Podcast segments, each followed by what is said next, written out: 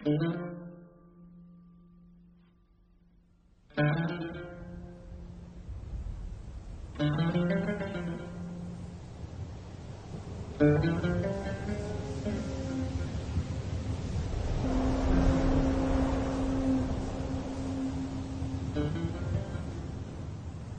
santri mengenalnya sebagai ahli fikih. Cendikiawan Arab modern mengaguminya sebagai ahli filsafat. Sejarawan Eropa mengenangnya sebagai jembatan pengetahuan antara timur dan barat. Dialah Ibnu Rus alias Avirus. Tokoh yang belakangan disebut sebagai perintis gerakan pencerahan di barat, sekaligus idola baru.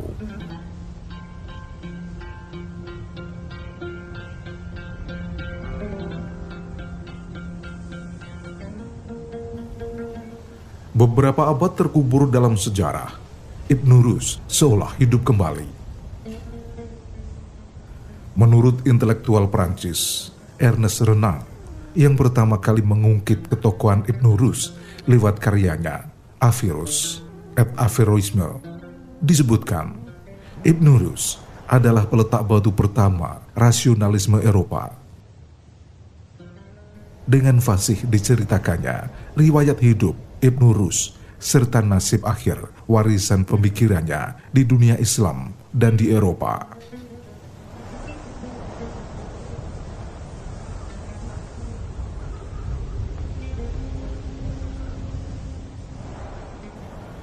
Abu Walid Muhammad bin Rus adalah seorang ilmuwan muslim yang cerdas.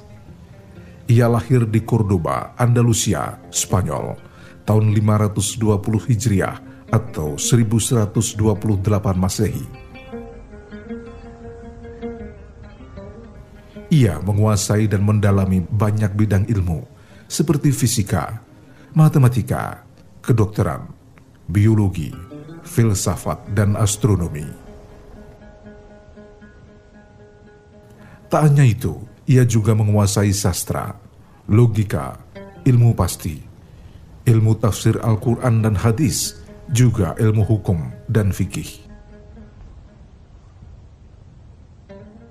Ibnu Rus juga dikenal sebagai tokoh perintis ilmu jaringan tubuh atau histologi yang berjasa dalam bidang penelitian pembuluh darah dan penyakit cacar. Banyak orang mendatangi Ibnu Rus untuk belajar dan berkonsultasi masalah kedokteran, hukum dan filsafat, hingga dia disebut si jenius dari Andalusia.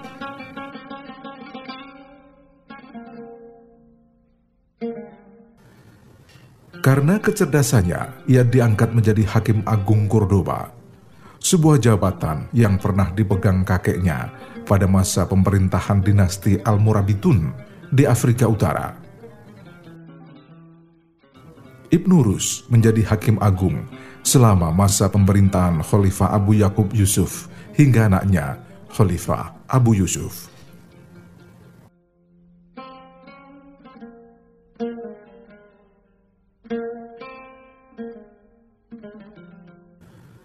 Di sela-sela kesibukannya sebagai seorang dokter dan hakim agung, Ibnu Rus menyempatkan menulis.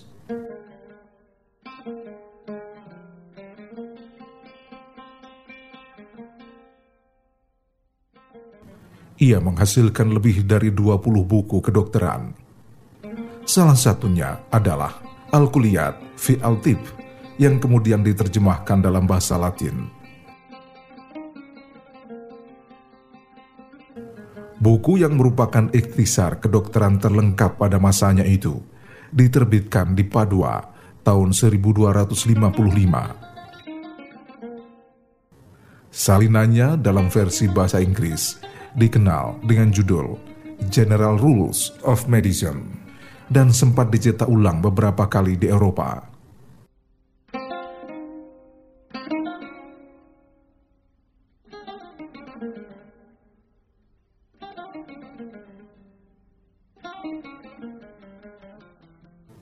Para penulis sejarah mengungkapkan kedalaman pemahaman Ibnu Rus dalam bidang kedokteran dengan mengatakan, fatwanya dalam ilmu kedokteran dikagumi sebagaimana fatwanya dalam fikih. Semua itu disebabkan kedalaman filsafat dan ilmu kalamnya.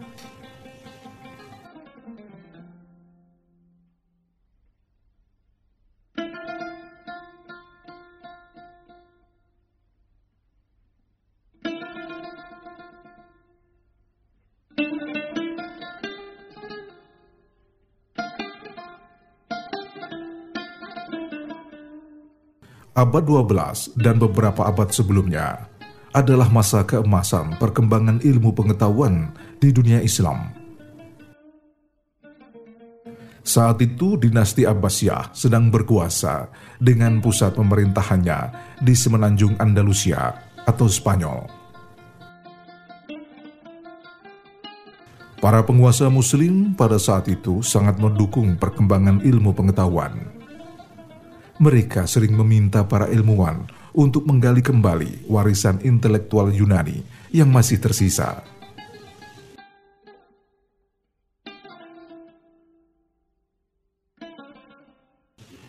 Pada masa itu, buku-buku Aristoteles yang diterbitkan masih sangat sedikit dan sulit dipahami. Menyadari hal itu, Ibn Rus tergerak untuk mengoreksi buku terjemahan karya Aristoteles bahkan melengkapinya. Ia juga menerjemahkan dan melengkapi sejumlah karya pemikir Yunani lain, seperti Plato. Tahun 1169 hingga 1195, Ibn Rus menulis sejumlah komentar terhadap karya-karya Aristoteles seperti De Ornagon, De Anima, fisika, metafisika, de partibus anomalia, parma naturalisi, metodologika, retorika, serta nikomasian etik.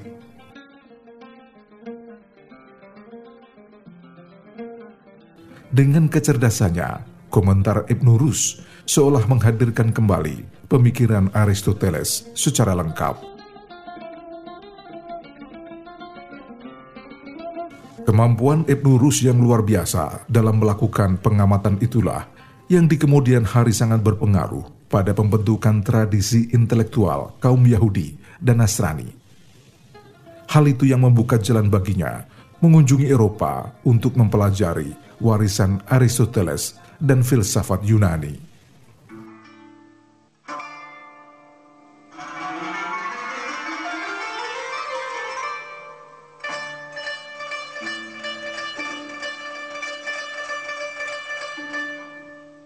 Sejumlah karya Ibn Rus yang fenomenal, di antaranya adalah Ensiklopedia Kedokteran berjudul Kuliah yang diterjemahkan dalam bahasa Latin menjadi Colliget.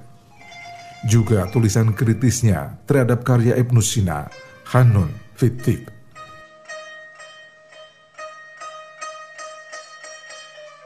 Di bidang fisika, ia mengajukan konsep-konsep kinetika sekitar 500 tahun sebelum Isaac Newton lahir.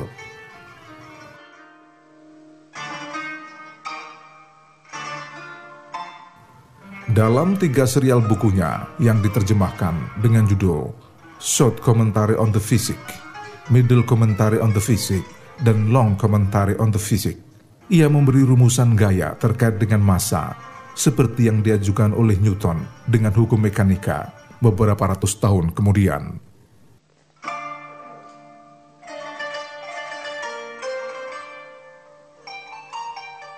Ibn Rus adalah fisikawan pertama yang mengajukan konsep inersia dalam kinetika. Dalam ilmu astronomi, Ibn Rus sudah berpikir tentang perputaran benda-benda langit yang berbentuk bola dan saling berputar di dalam orbit. Ia juga memberi penjelasan ilmiah tentang fenomena bintik matahari dan warna buram dari permukaan bulan sebagai satelit bumi. Temuannya itu sekitar 600 tahun sebelum Galileo Galilei dianggap sebagai bapak astronomi di dunia barat.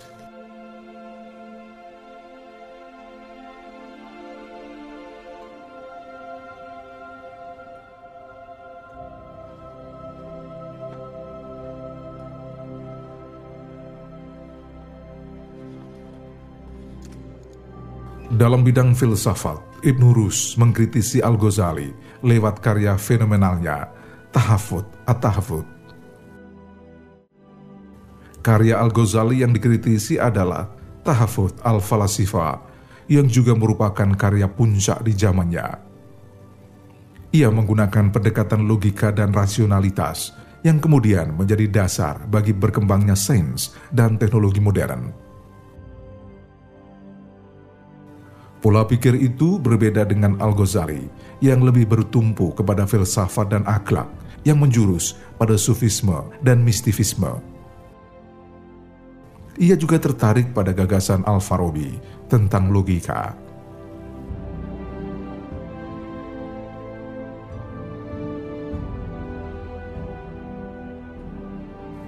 Ibn Rus adalah seorang filosof yang telah berjasa mengintegrasikan Islam dengan tradisi pemikiran Yunani. Sebagai seorang ahli ilmu agama dan filsafat, ia dinilai berhasil mempertemukan hikmah dengan syariat.